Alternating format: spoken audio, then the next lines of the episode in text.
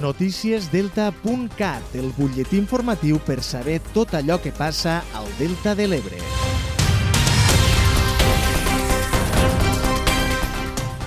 Una salutació des de Delta.cat. Anem a repassar l'actualitat de la jornada. Nou espais patrimonials del Delta de l'Ebre es promocionen de manera conjunta a través d'un passaport de visites.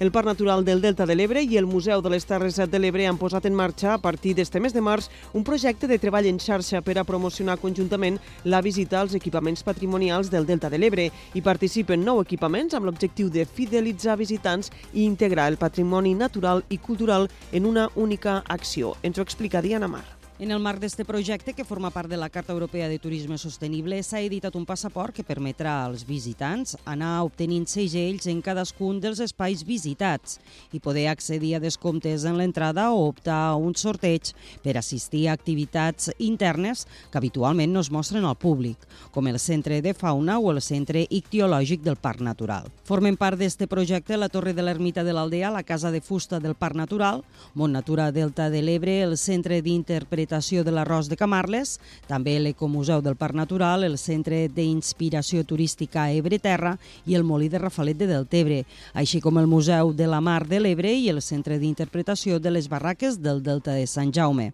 La campanya que comença aquest 1 de març estarà vigent durant tot l'any. S'han editat 15.000 opuscles amb la informació dels equipaments i que funcionaran com a passaport amb els corresponents segells. Escoltem Imma Juan, tècnica del Parc Natural. Posar en valor eh, tots aquests equipaments, eh, no només per als turistes, sinó també per a la població local, que puguen conèixer eh, a través de la visita d'aquests centres eh, que és realment el nostre patrimoni eh, a nivell del Delta.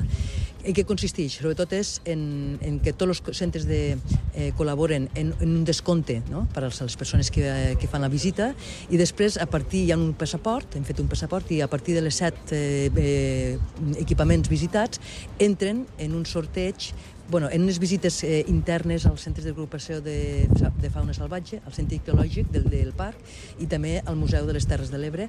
Internament les ensenyem i guiarem eh, aquestes visites perquè coneguen realment pues, com, com treballem. No?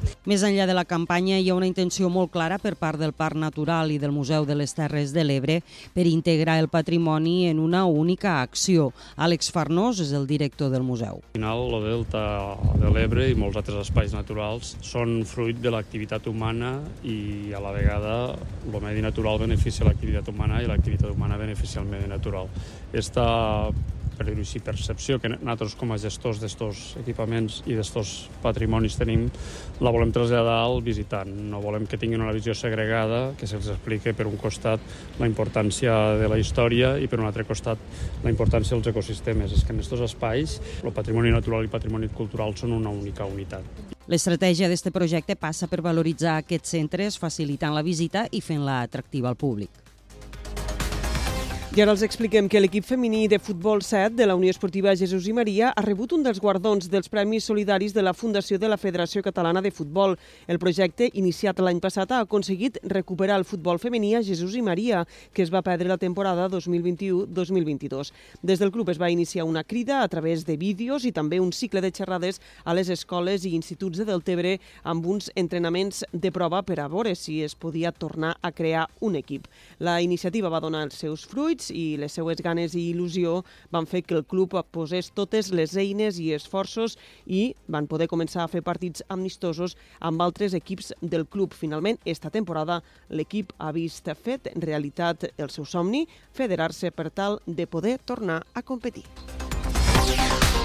I així acabem. Ja saben, com sempre, que poden continuar informats a través del portal deltacat.cat.